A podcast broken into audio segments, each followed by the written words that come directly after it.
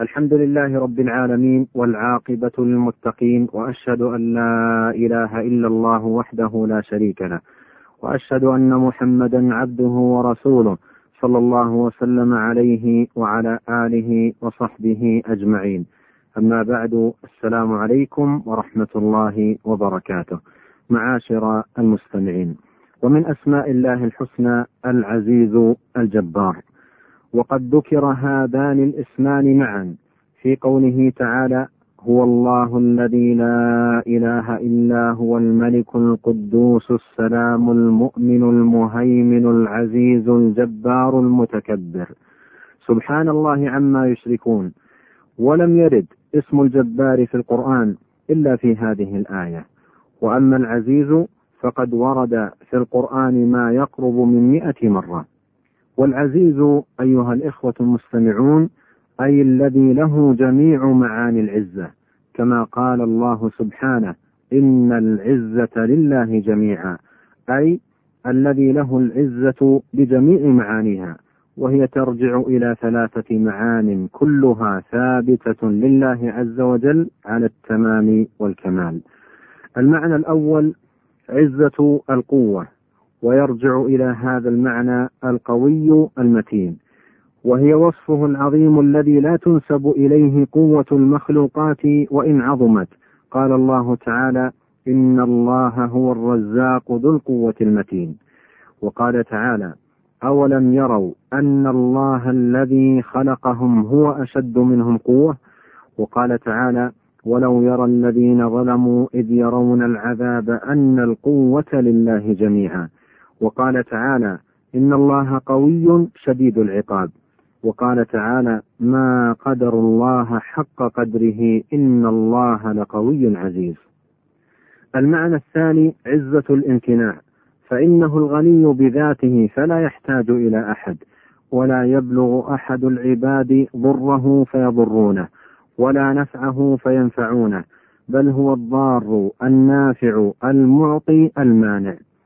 منزه سبحانه عن مغالبة أحد وعن أن يقدر عليه أحد وعن جميع ما لا يليق بعظمته وجلاله من العيوب والنقائص وعن كل ما ينافي كماله وعن اتخاذ الأنداد والوسطاء والشركاء. قال الله تعالى سبحان ربك رب العزة عما يصفون وسلام على المرسلين والحمد لله رب العالمين. وقال تعالى وله المثل الأعلى في السماوات والأرض وهو العزيز الحكيم. وقال تعالى قل أروني الذين ألحقتم به شركاء كلا بل هو الله العزيز الحكيم. المعنى الثالث عزة القهر والغلبة لجميع الكائنات فهي كلها مقهورة لله خاضعة لعظمته منقادة لإرادته. ونواصي جميع المخلوقات بيده. لا يتحرك منها متحرك ولا يتصرف متصرف إلا بحوله وقوته وإذنه. فما شاء الله كان وما لم يشأ لم يكن ولا حول ولا قوة إلا بالله. قل اللهم مالك الملك تؤتي الملك من تشاء وتنزع الملك ممن تشاء وتعز من تشاء وتذل من تشاء بيدك الخير إنك على كل شيء قدير. تولج الليل في النهار وتولج النهار في الليل وتخرج الحي من الميت وتخرج الميت من الحي وترزق من تشاء بغير حساب. أيها الإخوة المستمعون ومن آثار الإيمان بهذا الاسم أن يكون ذل العبد لله وحده لا يلتجئ إلا إليه. ولا يحتمي إلا بحماه ولا يلوذ إلا بجنابه ولا يطلب عزه إلا منه. من كان يريد العزة فلله العزة جميعا. وكلما كان العبد أعظم تحقيقا لذلك كان نيله للعزة أرفع وأمكن. ولله العزة ولرسوله وللمؤمنين.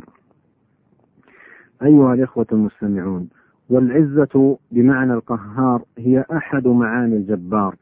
فإن من معاني الجبار أي أنه القاهر لكل شيء الذي دان له كل شيء وخضع له كل شيء فالعالم العلوي والسفلي بما فيهما من المخلوقات العظيمة كلها قد خضعت في حركاتها وسكناتها وما تأتي وما تدر لمليكها ومدبرها.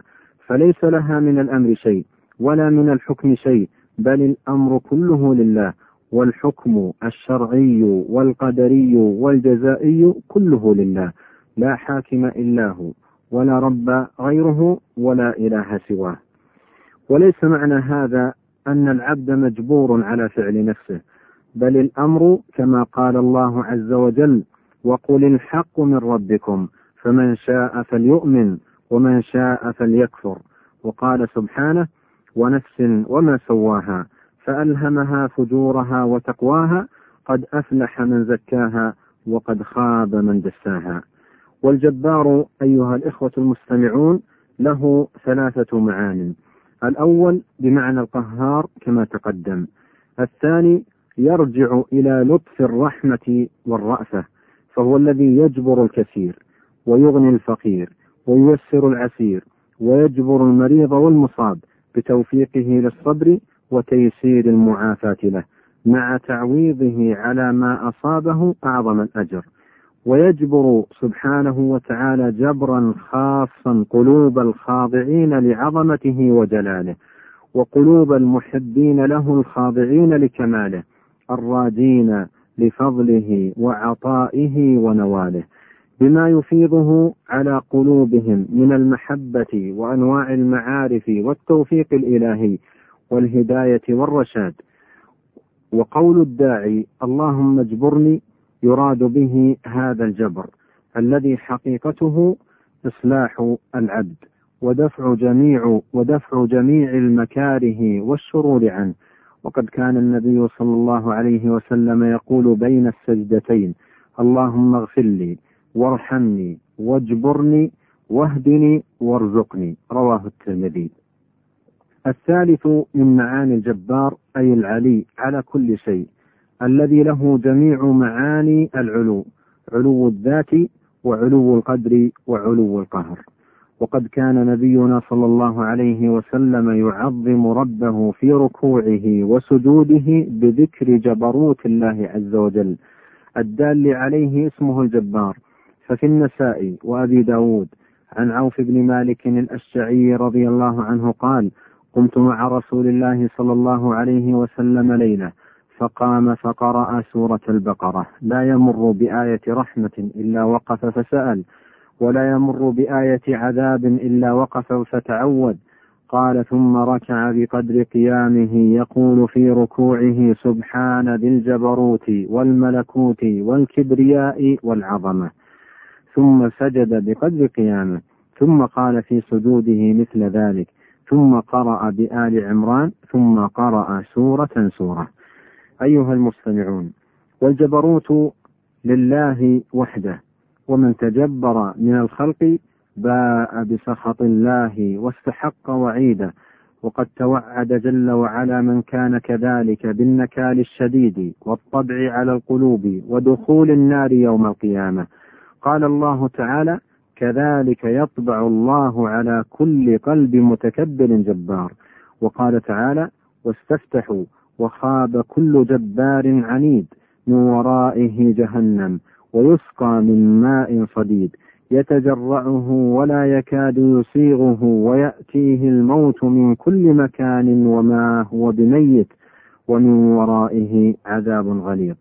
وروى أحمد والترمذي عن أبي هريرة رضي الله عنه قال قال رسول الله صلى الله عليه وسلم يخرج عنق من النار يوم القيامة له عينان يبصر بهما وأذنان يسمع بهما ولسان ينطق به فيقول إني وكلت بثلاثة بكل جبار عنيد وبكل من دعا مع الله إلها آخر والمصورين. نعوذ بالله من النار ومن سخط الجبار ونعوذ به سبحانه من منكرات الأخلاق والأهواء والأدواء. إنه تبارك وتعالى سميع الدعاء وهو أهل الرجاء وهو حسبنا ونعم الوكيل. وبهذا تنتهي هذه الحلقة وإلى لقاء آخر. والسلام عليكم ورحمة الله وبركاته.